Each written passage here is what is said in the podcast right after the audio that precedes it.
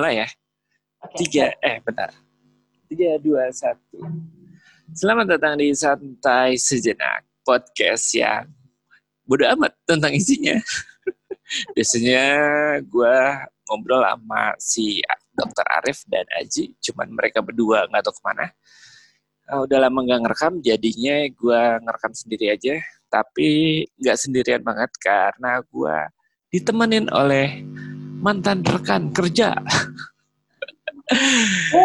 Halo Mariana. Halo. Lu kenalin diri dong. Oke, jadi nama gue uh, ini nama asli banget dan nama panggung aja kali ya. Iya terserah dah. Eh, Kan udah gue sebutin juga. Oh iya Nggak- juga sih. Terus gue nggak mau ngedit. Gue nggak mau ngedit jadi tit gitu. Gue. jadi namanya Mariana, panggilnya Ana. Berapa ada yang gue punya nama panggung Elsa.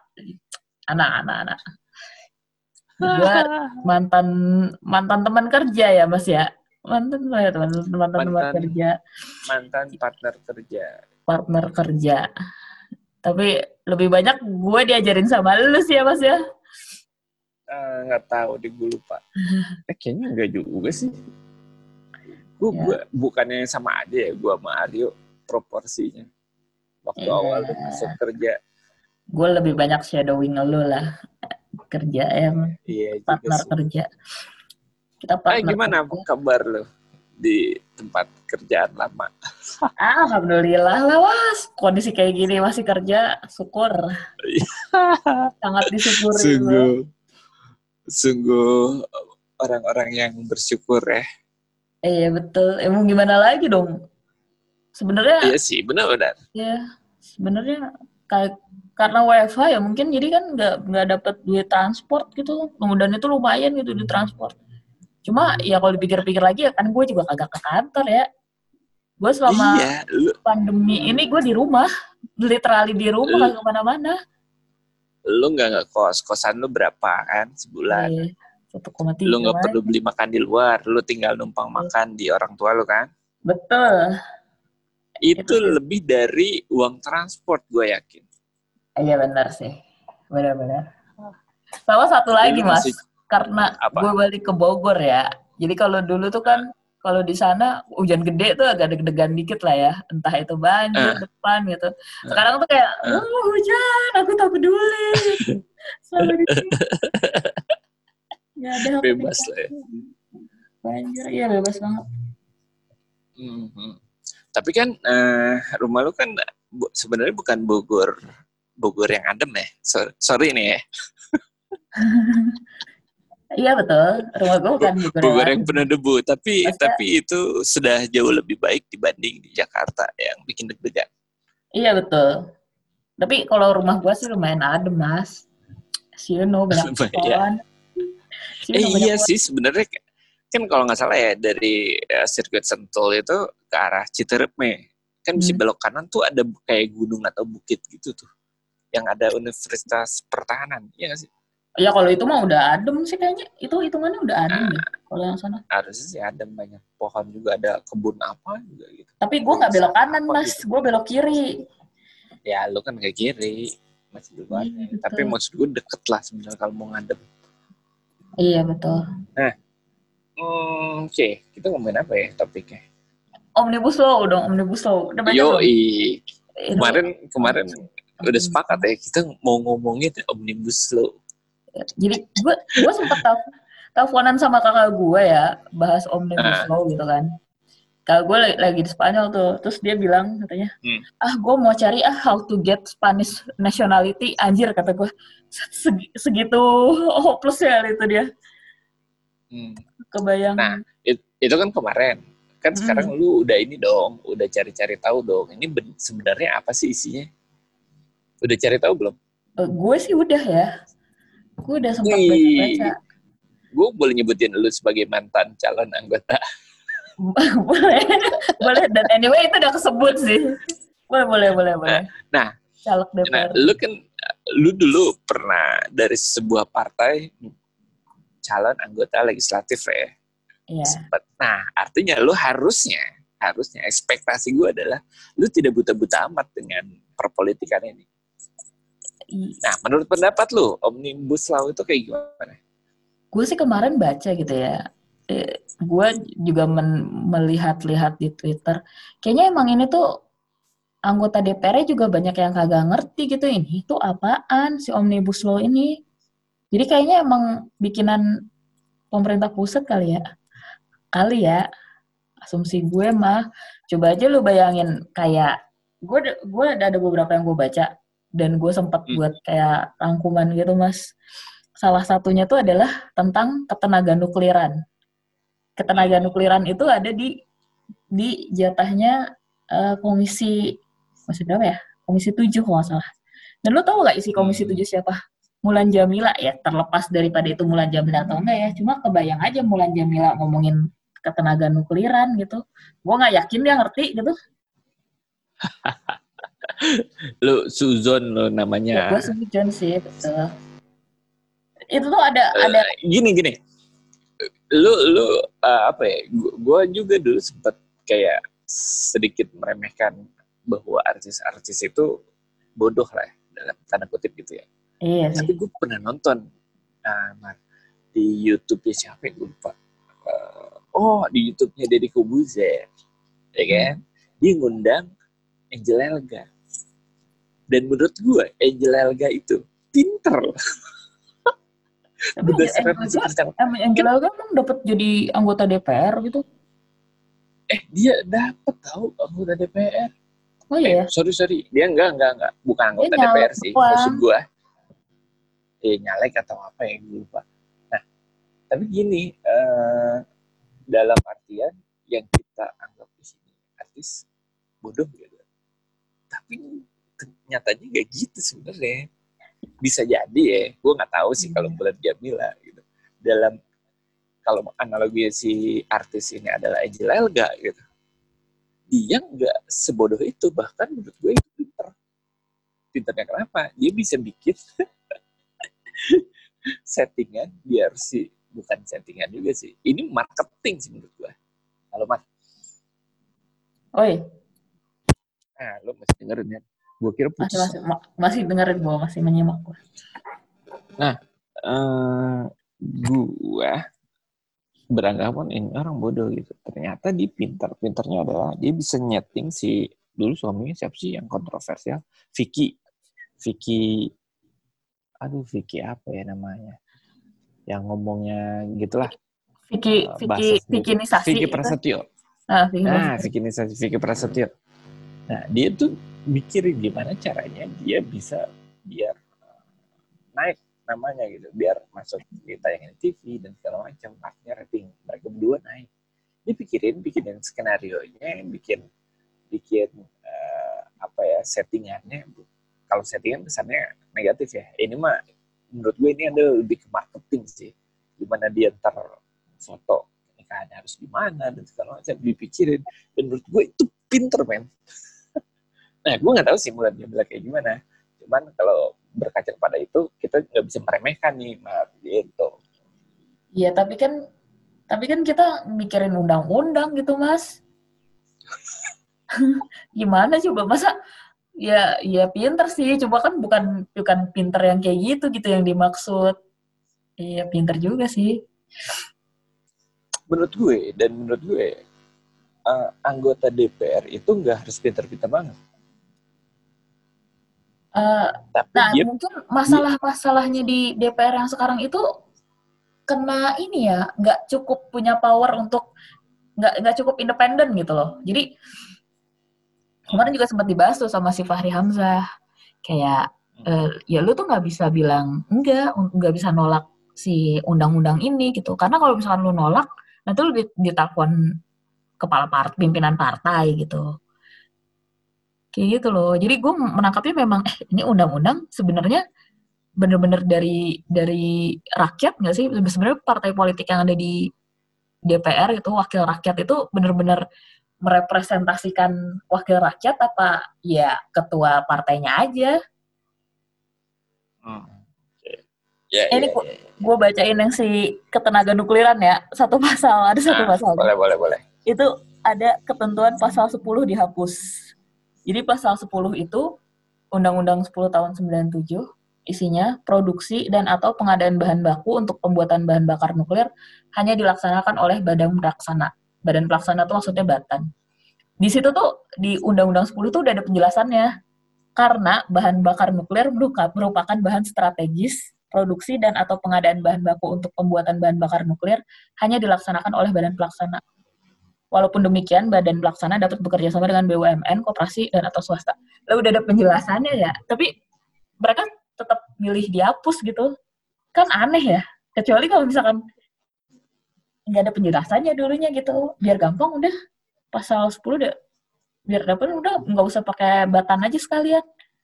Eh, batan apa ke, uh, kepanjangannya?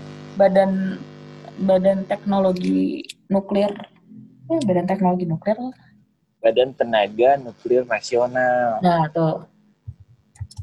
Jadi pasal 10 itu nyebutin kalau nuklir bahan baku nuklir itu harus lewat batan gitu yang ininya. Iya. Iya, Peng dan pengertian boleh itu ya. Dan boleh bekerja sama uh, dengan, dengan yang lain gitu BUMN lain. Nah. Swasta boleh nggak? benar gue baca eh, boleh dan atau badan swasta operasi dan atau badan swasta cuma tetap mungkin okay. pelaksana utamanya si Batan itu kali ya yang yang tanggung jawabnya PIC-nya ada di Batan nah gue gue kalau di lu bacain kayak gitu gue akan mengartikan sebagai oh berarti uh, semua bahan nuklir dan segala macam harus melibatkan Batan iya betul harus melibatkan Batan entah Batan mau kerjasama atau dia sendiri, pokoknya ada batannya. Oke. Okay. Ya. Dan di omnibus law ini berarti kan itu kan dihapus. Kalau nah. dihapus berarti nggak nggak boleh aja nih kalau misalnya BUMN mau pakai tenaga nuklir atau siapa pun tanpa melibatkan Batan. Betul nggak? Iya betul. Ya nggak apa-apa dong. Uh, ya maksud gue kan penjelasannya udah jelas gitu bahwa bahan nuklir itu bahan strategis.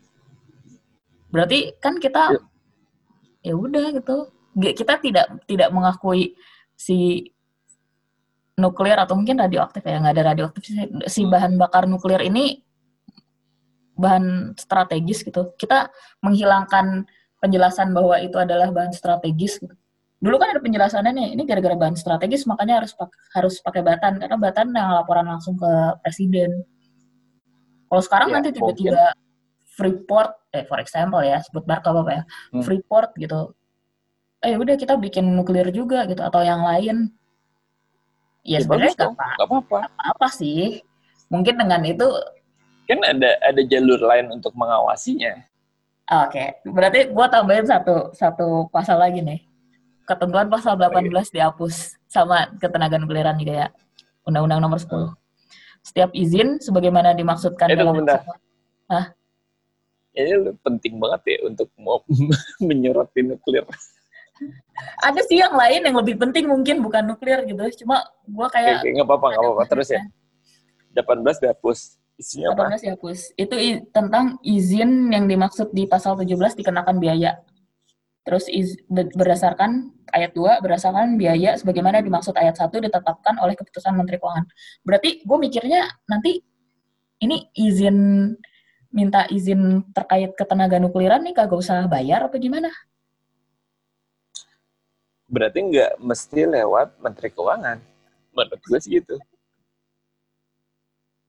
Penetapan harganya. Artinya mungkin mengacu ke mekanisme pasar. Bisa jadi ini tujuannya untuk memotong birokrasi dan memudahkan kalau kalau ngurusin nuklir atau ada industri yang pakai nuklir itu nggak ribet jadinya. Hmm. Nah, ini nih Mart, maksud gue, gue sih belum baca juga sih, belum baca. Cuman gue kan orangnya positif thinking ya. ya, benar-benar, lo positif thinking gue gue berpikiran bahwa omnibus law ini ya pasti ada pro kontranya gitu ada pro kontra pro kontranya tergantung sudut pandangnya kayaknya uh. yang gue dapat kesannya adalah omnibus law ini sebenarnya tujuan pemerintah adalah untuk memangkas birokrasi memperlonggar bukan memperlonggar ya merelaksasi bi birokrasi uh, dalam hal ini apa ya benang merahnya adalah ekonomi sih. Ekonomi direlaksasi biar kita ini bisa lebih cepat gitu geraknya dibanding sebelumnya. Pasal-pasal yang mungkin menurut pemerintah ah ini terlalu apa ya terlalu mengekang nih itu dihapuskan gitu biar ekonomi ini berjalan gue nangkep kesannya kayak gitu ya kalau gue nangkep ada satu lagi sih mas yang gue tangkep sebenarnya gini orang-orang ini kan ngeribetin uh, yang bikin ramai itu perihal ketenaga kerjaan gitu. Tapi mm -hmm. yang lain-lain tuh kayak nggak dipelototin gitu. Mungkin mm. ini mungkin ini emang maksudnya baik ya, tujuannya positif gitu. Tapi kan kita balik lagi negatif thinkingnya gue terhadap uh, eh, DPR gitu ya. Mungkin sakit hatinya gue nggak dapat kali. itu adalah uh, jangan-jangan emang sengaja dibikin ramenya di undang-undang tenaga kerja gitu. Jadi kita tuh fokus kita ke yang lain tuh terhilangkan. Padahal kalau dipikir-pikir, wah, anjir, anjir, anjir. Omnibus Law, kalau mau kalau mau ngesahin gitu, gue mah lebih setuju ngesahin undang-undang PKS dulu gitu, kekerasan rumah tangga ya, kekerasan seksual. Oke, itu kan sudut pandang kita sebagai rakyat ya. Iya, betul Nah, gue gue eh, kayak memposisikan diri sebagai kalau gue jadi pemerintah sekarang saat ini ya gitu. Apa sih yang gue prioritasin gitu? Gue kalau gue mikirnya kalau gue di sekarang bahkan di posisi pemerintah gitu di eksekutif yang pertama gue akan fokusin adalah ekonomi. Jadi Tapi, namanya RUU PKS pasti gue belakangin sih. Uh, Oke, okay. tapi masalahnya itu adalah karena gue ngelihat sisinya si Jokowi adalah eh kita nih udah terlalu terbelakang nih ketinggalannya. Kita harus ngebut dengan cara yang cepet gitu.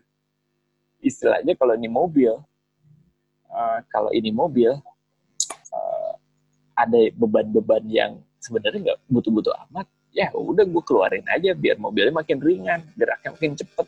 Gitu sih Iya.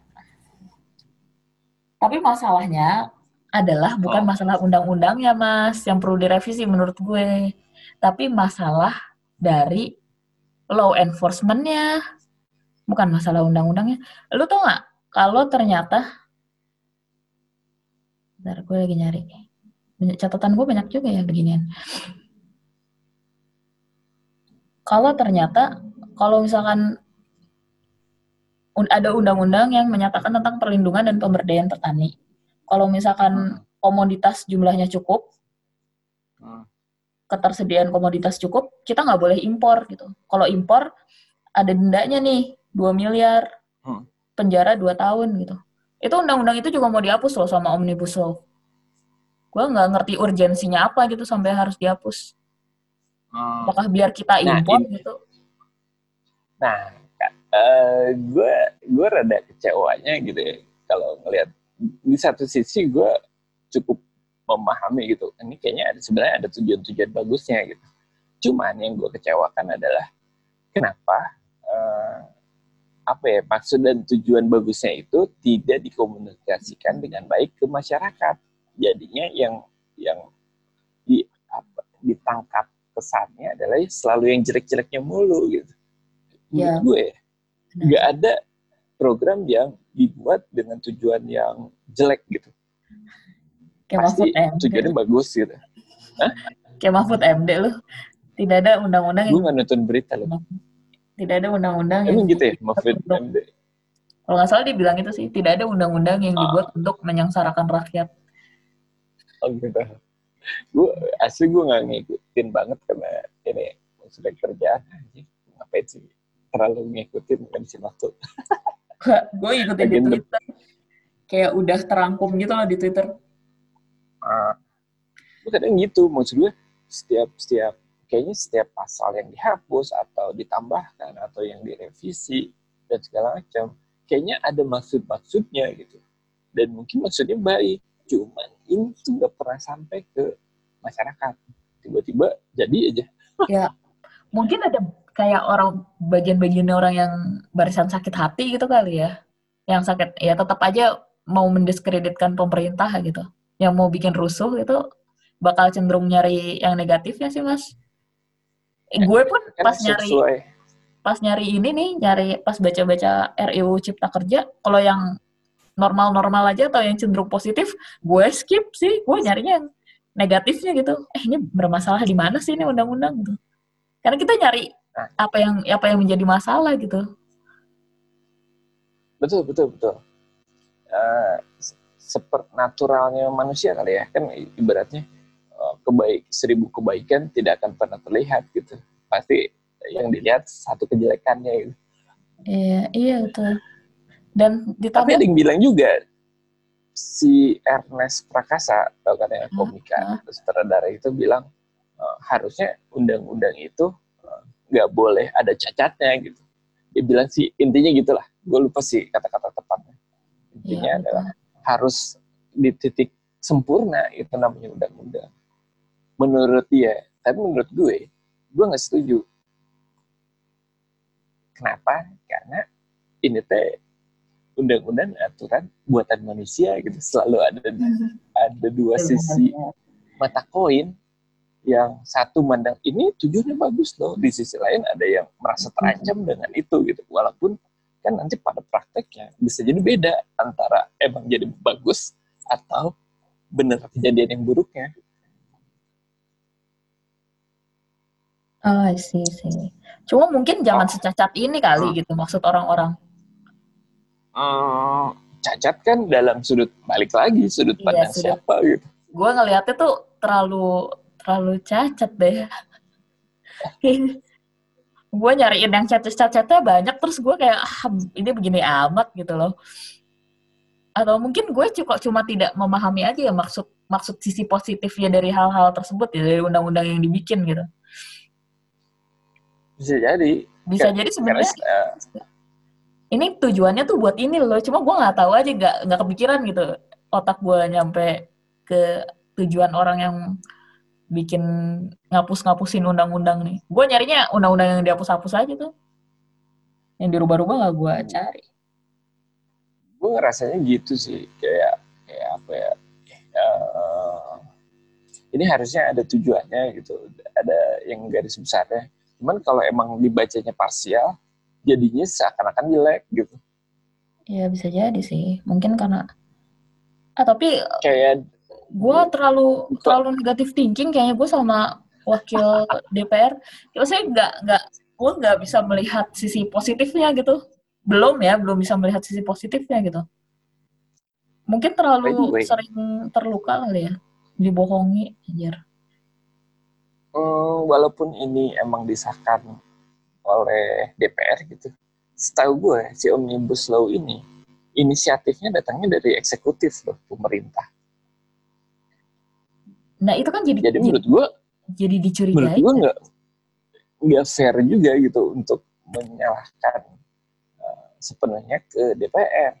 Dan Nah. menurut gue orang yang menginisiasi kan eksekutif gitu. Ketika Iya, DPR tapi kan DPR nggak godok mas walaupun yang menginisiasi eksekutif harusnya DPR bisa lebih smart lah untuk eh ini mana yang harus dimasukin mana yang nggak harus dimasukin karena kita Iya. namanya juga undang-undang legis legislasi gitu yang disalahin ya PIC-nya DPR lah kalau misalkan ada kurang-kurang DPR-nya aja dulu mau didikte sama eksekutif kan aneh orang mah menurut gue ya, menurut gue nih Hmm. tahapannya harusnya emang inisiasinya dari pemerintah karena yang menjalankan pemerintahan kan eksekutif ya. oh ya Eh, misalnya si Jokowi gitu punya visi kayak gini nih ekonomi harus lebih kenceng. Caranya gimana? Nah, pembantu pembantu oh ini harusnya bikin di aturannya direlaksasi gini gini gini gini gini. Ajukanlah itu omnibus law gitu ya omnibus law. Nah eh, iya pemerintah dalam hal ini eksekutif apakah pertanyaan gue apakah punya kewajiban untuk menjelaskan ke masyarakat? Menurut gue enggak. Yang punya kewajiban menjelaskan. Masyarakat adalah anggota DPR ketika itu misalnya dari pemerintah nih eh gue tujuannya gini loh biar gini gini gini gini gini. DPR-nya nangkep. Oke bagus berarti usulannya. Terus sama mereka ya udah digodok dirumuskan direvisi dikurang dan segala macam. Yang penting tujuannya tercapai. Udah tuh disetujui nah, menurut gue ini part of kesalahannya adalah balik si DPR balik lagi tidak mengkomunikasikan mungkin yang dia tangkap sepenuhnya jadi lu okay. merasa uh, lu merasa ada yang ada part sosialisasi yang hilang gitu mengenai undang-undang ini? Menurut gue sih iya ya. Mungkin dari sisi ketika eksekutif ngejelasin maksud dan tujuannya si Omnibus Law ini ke DPR, itu nyampe pesannya. Tapi mereka keep aja gitu. Atau tapi uh, si bukan apa ya dan si anggota DPR-nya sayangnya tidak menyampaikan ke masyarakat. Mungkin, mungkin, mungkin juga ya. Gue mah, gue mah sangka baik mulu ya. Mungkin karena waktunya udah nggak ada lagi tuh. Eksekutif butuh cepat gitu. Eh, ayo dong biar gue bisa ini nih, biar bisa lari kenceng nih. Udahlah, cepetin prioritas itu. Terus si DPR-nya, yaudah, yaudah, ini dah uh, buru-buru. Dan dia lupa bahwa harusnya dia ngundang masyarakat, dia ngundang akademisi buat mengkritisi si undang-undang ini. Tapi gue masih merasa bahwa DPR itu banyak di kurang independen gitu loh mas. Gue feel kalau itu gue setuju. Kalau ya, itu gue setuju. Makanya ini tuh jadi lahirnya tuh kan gue jadi nggak tahu jangan-jangan ini emang ada pesanan partai politik. Terus dari mana ini nggak ada pesanan eh saya mau mencoba untuk positive thinking gitu tapi gue nggak bisa gitu. Karena keingetan kata-kata Fahri Hamzah tahun lalu kalau DPR tuh nggak cukup independen. Karena kalau misalkan lu udah nanya mulu nih ke eksekutif misalnya nih gue anggota DPR terus gue nanya, gue nanya nih eh ini kenapa pasalnya dihilangin lu boleh cepet-cepet tapi gue nggak mau ini dihilangin gitu. Terus nanti kalau gue ditelepon nih misalnya sama Grace Natali gitu misalnya eh lu nggak bisa ngomong kayak gitu gitu. Kan gue tidak jadi tidak cukup independen kan? Hanya Betul, karena menurut gue. di di di kementerian tuh ada anggota atau ada ketua parpol gue misalnya.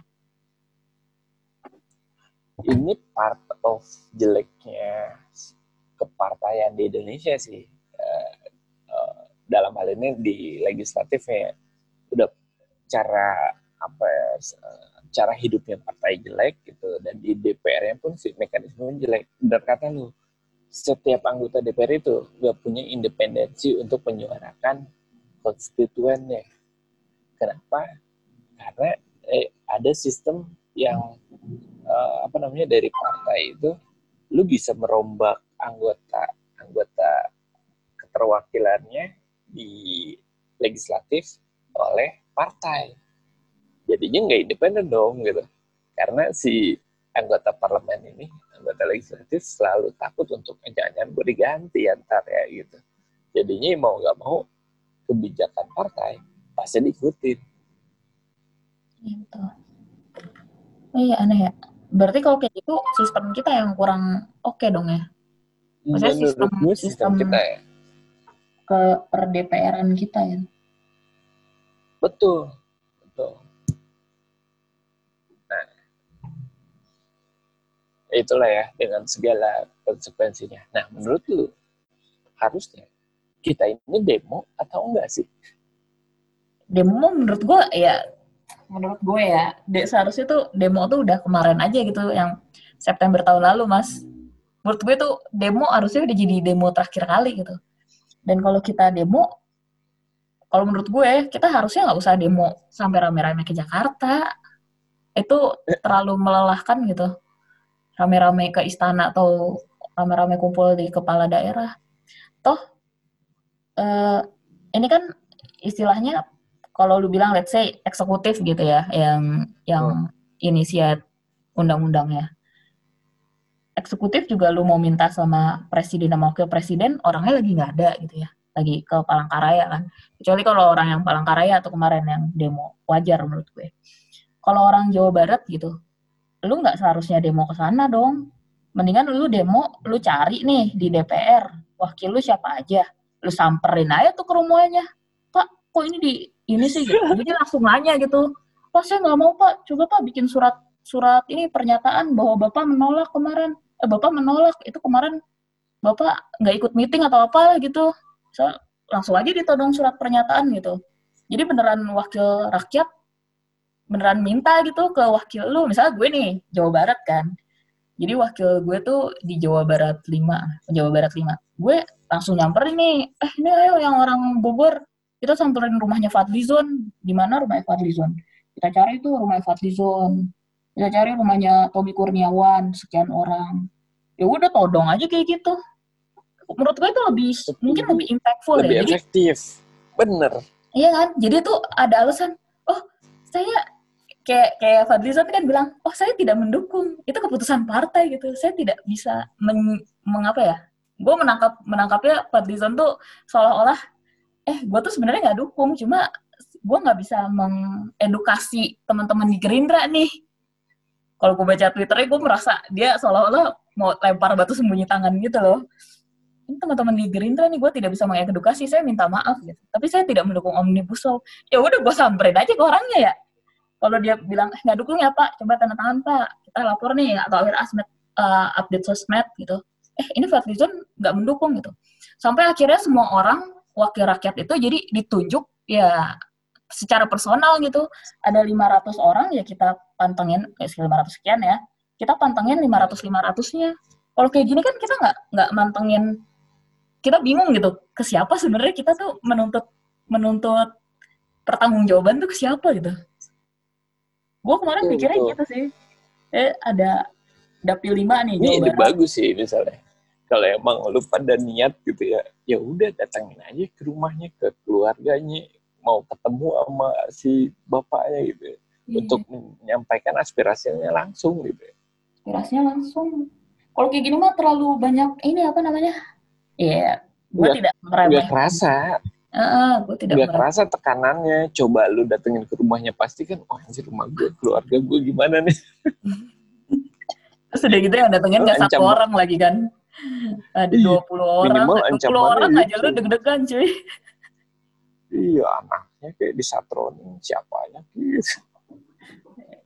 Tapi mungkin Nah, emang nah, yang menarik adalah di TikTok apa di Twitter ya banyak video itu kan para gundik-gundiknya anggota DPR pada Ah, tapi kalau TikTok gue gak percaya bisa aja dia emang bikin biar FYP mas.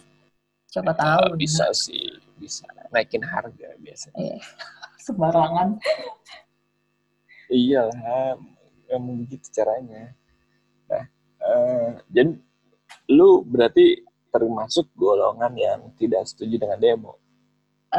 gue sih menghargai usaha mereka ya, cuma mungkin eh, Oh. tenaganya tuh bisa di disalurkan menjadi yang lebih tepat gitu. Itu kurang kurang, kurang menurut gue kurang. Hmm. Kalau gue bilang gak setuju, nanti gue di ini lagi.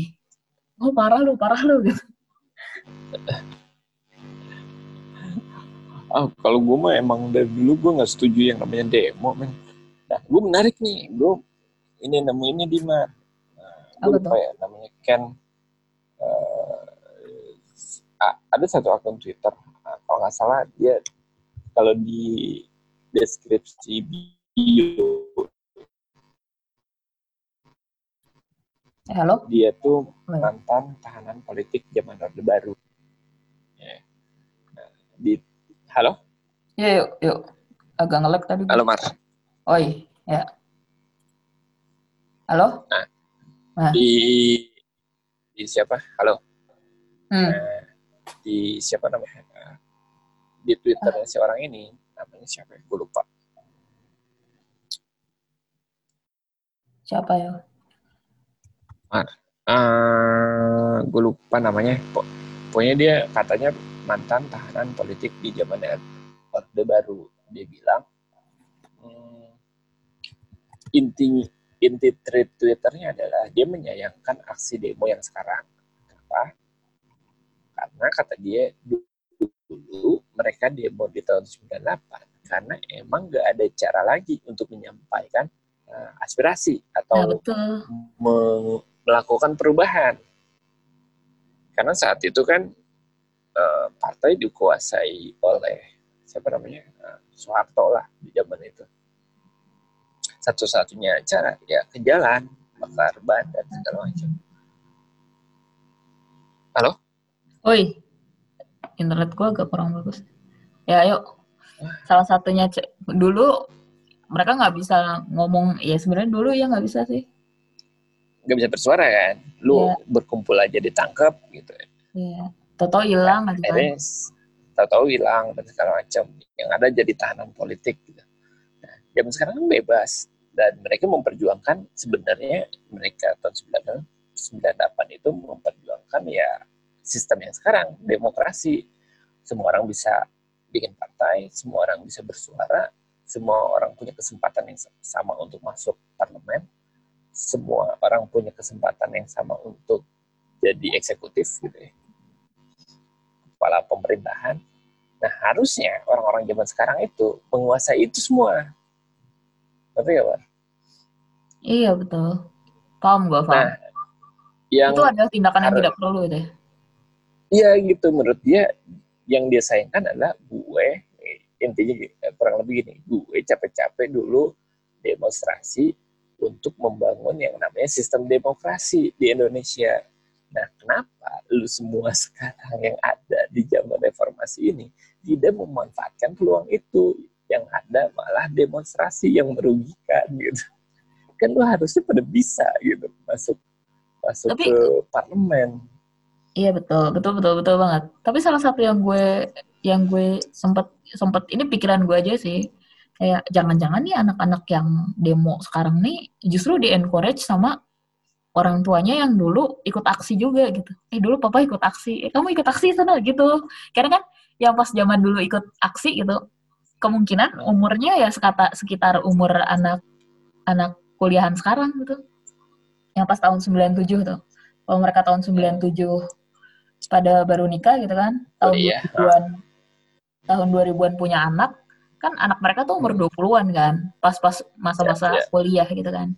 Apa jangan-jangan mereka tuh justru di-encourage oleh orang tua mereka yang dulu ikut aksi gitu kan, tahun 97. Ah. Aksi gitu. Ah, enggak tuh anak anaknya Fadli Zon enggak demo di Amerika. Ya, itu dia mau demo mau apa? Mau mau mempertanyakan kinerja bapaknya. Iya dong. Hmm. Anaknya Fahri Hamzah enggak demo. anaknya Adiana Pitupulu tidak demo. Ya tentu saja itu kan bapak mereka yang kerja. Wah, Ya gue nggak yakin sih eh, bahwa dulu yang aktivis mungkin mungkin sebagian malah ya kayak gitu pikirannya adalah eh teh harusnya berjuanglah jadi anggota DPR masalah jadi anggota legislatif jadilah kepala daerah sehingga bisa melakukan perubahan menyuarakan aks eh, menyuarakan suara rakyat gitu.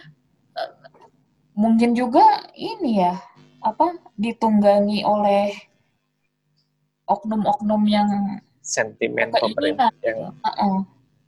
eh ini iya, biar gue biar ngeliatnya seolah- gitu ya mungkin ya. jadi seolah-olah jelek banget Tapi tapi tidak tersalurkan dengan benar. Ya sebenarnya gue juga ya gimana ya? Harusnya mereka bisa ya itu. Gue berharap mereka tuh ada satu gitu koordinatornya, misalkan Kabupaten Bogor, ayo kita samperin rumahnya Fadlizon gitu, terus dicari rumah Fadlizon di sini. Eh terus Tommy Kurniawan, ayo kita samperin rumah Tommy Kurniawan, Tommy Kurniawan di sini. Kalau sekarang kan mungkin nyamperinnya sebatas sosial media ya, cuma Hmm. anggota DPR sosial media komentarnya pada ditutup cuy. Kemarin gue lihat beberapa hari yang lalu masih ada yang buka kolom komentar. Terus udah gitu sekarang udah ditutup. Ya mungkin nggak terlalu banyak juga kali ya yang ngehina. Namanya cyberbullying. gue kan share di instastory ya gue kepikiran bahwa emang kalau emang masyarakat 70 persen 50 persen lebih lah masyarakat ini menolak gitu dan pengen berubah ke status yang lama gitu kenapa nggak pada bikin partai gitu barang weh 50 persen lebih loh ini misalnya 60 persen aja 60 bikin partai kuasain berarti kan dapat kursi 60 persen di DPR itu lu bisa ngatur menekan pemerintah lo dengan 60% kursi di DPR. Iya. Kalau voting selalu menang. Ya, betul. Cuma kan bisa jadi masalahnya kan orang tidak percaya dengan siapa pun yang udah duduk di sana gitu. Orang dulu aja kita pada percaya sama Adiana Pitupulu, sekarang mana gitu ya percaya mana? Semua orang tuh Ya, jadi betul. skeptis gitu sih. Iya nggak sih? Nah, jangan-jangan yang demo-demo sekarang pun ntar kalau jadi anggota DPR ya sama aja gitu. Iya, Ngana pikir dulu Fadlizon kagak demo. ya memang itu Iya, satu-satunya makanya. cara sih, anyway. Tahun Itu sebelum ngebelinnya gitu gitu. Jadi jadi kayak apa? Gue ngeliatnya kayak alah, alah, munafik banget sih. Kasarnya gitu kan. Munafik banget. Tapi gue agak ngomong sedikit, gini ntar kayak gimana gitu. iya, gue agak sedikit mikir kayaknya yang kemarin demo juga belum tentu belum tentu Pasti. paham gitu. Eh, yang lu perjuangkan tuh poin-poin apa aja gitu. Iya. Sebenarnya mengharapnya tuh, eh lu lu dapat listnya nih, poin-poin ini nih yang jadi masalah. Gue mau dirubah ya gitu. Misalkan gue nyamperin rumahnya Fadlizon, Pak Fadlizon, ini poin ini bermasalah, poin ini bermasalah, poin ini bermasalah. Minta dirubah, minta dirubah, minta dirubah. Terus ada suratnya gitu kan. Fadlizon ingin merubah ini gitu. Terus semuanya tuh se-Indonesia kayak gitu tuh. Terus nanti dikumpulin deh. Terus dibahas, Iya. ditayang, ditayangin di TVRI. Ramai juga kan tuh kalau kayak gitu. Iya. TVRI. Terus ada live chatnya. Zrrrt, gitu. itu ide bagus sih misalnya disatronin satu-satu semua pada menolak terus yang berarti kan jadi pertanyaan siapa yang di DPR menyetujui ini semua orang masing-masing sebenarnya menolak iya kayak misalnya skenario Oh. lu ini berjalan nih Iya. ada 500 anggota DPR kita satronin tuh ada koordinasinya kan satronin satu sampai dapat video bahwa pernyataan mereka menolak mereka menolak mereka menolak ada 500 orang menolak jadi kan sebenarnya itu tidak siapa yang menyetujuin kalau gitu hantu Iya kan? Bener. Kagak ada yang pikiran, punya pikiran kayak gitu. Ada kali ya, cuma tidak terucap aja gitu. tidak tidak bersekutu aja sih kalau penjahat kan bersekutu nih walaupun empat orang tapi mereka bersekutu ini ada 10 orang baik tapi tidak bersekutu masing-masing jadinya tetap aja kalah Emang bersekutu makin mutu. nah pusing jadi jadi pengen jadi pengen jadi anggota DPR ya kayak gini ya. Kayaknya tuh gue gampang. ya. pengen sih Padahal gue yakin sih aktualnya pasti mereka juga sulit sih posisi mereka gitu. Karena sulit ada sulit partai politik. lu gitu. lu lu harus denger eh, siapa yang namanya Sarah bukan Sarah Wijayanto eh Sarah Wijayanto apa ya? Ponakannya inilah ponakannya si Prabowo. Ya betul dari betul. betul. Gerindra ya aktivis perempuan kan dia yang mendukung RU, RUU PKS banget setahu gue Betul Dia pernah betul. cerita Orang di- betul. dia pernah cerita di podcastnya Asumsi Bersuara gitu. Eh, dia memperjuangkan satu usulan gitu ya. Jangankan untuk meyakinkan fraksi lain partai lain fraksi dirinya fraksi dirinya sendiri di partai sendiri. dalam ini Gerindra itu setengah mati kata dia. Jadi untuk meloloskan satu apa ya satu suara lah, ini ada suara rakyat nih yang gue bawa gitu, itu setengah mati. Yap. Di bahkan di fraksinya sendiri. Gitu. Tidak semudah itu intinya sih menurut gue ya tidak semudah itu Ferguson ketika lu ketika lu udah di anggota DPR pun eh, emang harus kompak sih satu partainya gitu dari dari si ketua partai. obstacle di dalam Iya. partainya. Di obstacle di partainya udah kepentingan udah ada kepentingan masing-masing. Si ketua partai punya kepentingan untuk Gue sekian besar suaranya gitu akhirnya harus merapat dengan yang lain dengan mengorbankan anak buah anak buahnya gitu. Gue mau nanya deh lu ke lu deh mas sebagai warga negara Indonesia sebenarnya lu tahu nggak sih lu tuh masuk dapil mana DPR RI lu tuh dan lu diwakili oleh siapa Gua nggak tahu man. Itu itu masalahnya itu kita tuh kita nggak kita sendiri nggak tahu wakil kita siapa masalahnya itu Iya sih ya. Bener ya. Gila. Ini kayaknya gue asik juga ya di di Instastory. sekarang gak usah ngomongin gak usah ngomongin demo deh gitu ya. Gak usah Iya. ngomongin demo deh. Kita masing-masing tahu nggak sih siapa wakil kita di DPR supaya kita bisa nuntut ke dia gitu. Gue setelah gue pernah gue dapat pertanyaan itu dari kakak gue sih. Dia Hmm. nanya ke gue lu tahu gak sih wakil lu di DPR itu siapa sih sebenarnya? Yang kemarin lu coblos menang apa enggak? Gitu. Oh. Iya, dari Dan kotak suara segitu tahu banyak. jawabannya? dan lu sekarang tahu siapa gue tahu gue wakil lu baca di DPR gue tahu Eh, kalau di gue itu yang jelas ada Tommy Kurniawan Primus Justisio Fadlizon. Itu tiga yang paling gue ingat sih. Eh tapi kan di di dapil lu cuma satu dong yang mewakili. Emang bisa lebih dari satu ya? Eh, iya lebih dari satu. Lebih dari satu. Dapil gue dapil Bogor Jawa Barat 5 dapil gue dapil Jawa Barat 5 kalau DPR RI iya sih ya ini tapi yang gue har- cuma satu Kabupaten juga, Bogor. Istilahnya kalau misalnya kita protes ke anggota DPR, ngapain eh, demo itu? Mending kita demo ke ininya ya. Si, ke rumahnya Siapa yuk yang jadi wakil kita gitu. Jadi fokus nih misalnya dapil dapil berapa dapil 5 Jawa Barat gitu. Hmm. Ini semua orang anggota dapil 5 mengancam ke si eh, ntar lu kalau nyalonin lagi nggak gua pilih kalau lu sekarang masih bersuara kayak gitu. Iya. Minimal gak usah takut lah. minimal bukan gak usah gue pilih lah gitu. Alasan lu kenapa sih gitu gitu. Let's say gitu ya kan. Alasan lu ah, kenapa kurang sih? kurang mengancam Mar kurang mengancam gue malah langsung aja gue ancam gue nggak akan pilih lu lagi semua rakyat di sini tidak lu lagi Iya, iya, iya, iya sih. Iya. Lu ngerti deh kita rekam suaranya Ini Tommy Kurniawan cuy, Tommy Kurniawan. oke a- abis podcast ini gue akan cari tahu siapa eh, wakil gue di DPR dan gue akan nyecer dia gue bakal spamin di Instagram ya, di YouTube ya. Gue mention terus di Twitter atau di Instagram akun sosial media dia gitu. Men- Menurut gue itu lebih tepat tepat sasaran gitu. Lu bayangin nih, Benar, misalnya benar. misal nih gue dapil gue di, diwakilkan oleh mereka nih kan Hmm. dapil gue diwakilkan oleh mereka tapi gue nggak ta- tapi gue nggak tahu gue taunya adalah Krisdayanti adalah seorang anggota DPR terus gue nyecer Krisdayanti padahal Krisdayanti bisa aja wakilnya tuh di sana gitu di gue nggak Iya. tahu gitu bukan rumah gue gitu kan nggak tempat sasaran ya kasihan amat gitu Krisdayanti. Krisdayanti karena dia Iya. terkenal jadi kena hina warga Jawa Barat Iya benar, benar benar. Oke, mari mungkin mulai dari situ kita kampanyekan bahwa kita harus menuntut ke wakil kita masing-masing.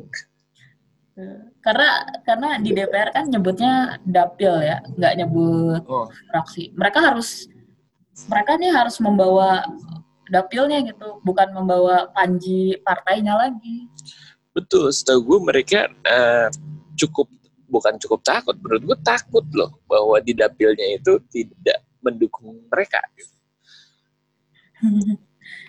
Karena pas pemilihan lagi itu pasti mereka balik lagi tuh ke dapilnya masing-masing kampanye lagi nyari suara lagi gitu. tapi tetap aja cuy Fadlizon dibilangnya jangan dipilih jangan dipilih menang-menang juga cuy karena kurang kampanyenya. Ah, Eh, tapi dia emang banyak suaranya sih. Maksud gue banyak yang istilahnya karena. Fadlizon jualan nama ya jangan karena dia jualan itulah. Ya, jangan itu Iya gitu. Itu. dagangan. kita. pilih gue Dan dan dia terkenal di TV gitu. Kalau terkenal di TV, Mar, teori gue adalah mau jelek mau enggak, yang penting sering muncul di TV, mau itu kontroversial, orang bakal inget gitu. iya juga sih kan emang teorinya gitu ya apa namanya bad Iya. bad uh, bad ca- bad cam- campaign atau bad publicity? Bad reputation. Is better than no reputation at all. Bukan. Eh, apa ya? Eh, apa ya, bad publicity? Still publicity intinya gitu. Oh, oh iya sih sih. Bad publicity. ya ngerti nggak? Ya benar-benar. bukan publicity sih sebenarnya kata-katanya apa gitu ya.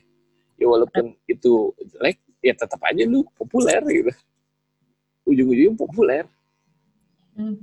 cara ini kan yang, biasanya dikerjakan orang-orang gitu makanya kadang iklan norak gitu bodo amat dengan norak tapi yang penting orang inget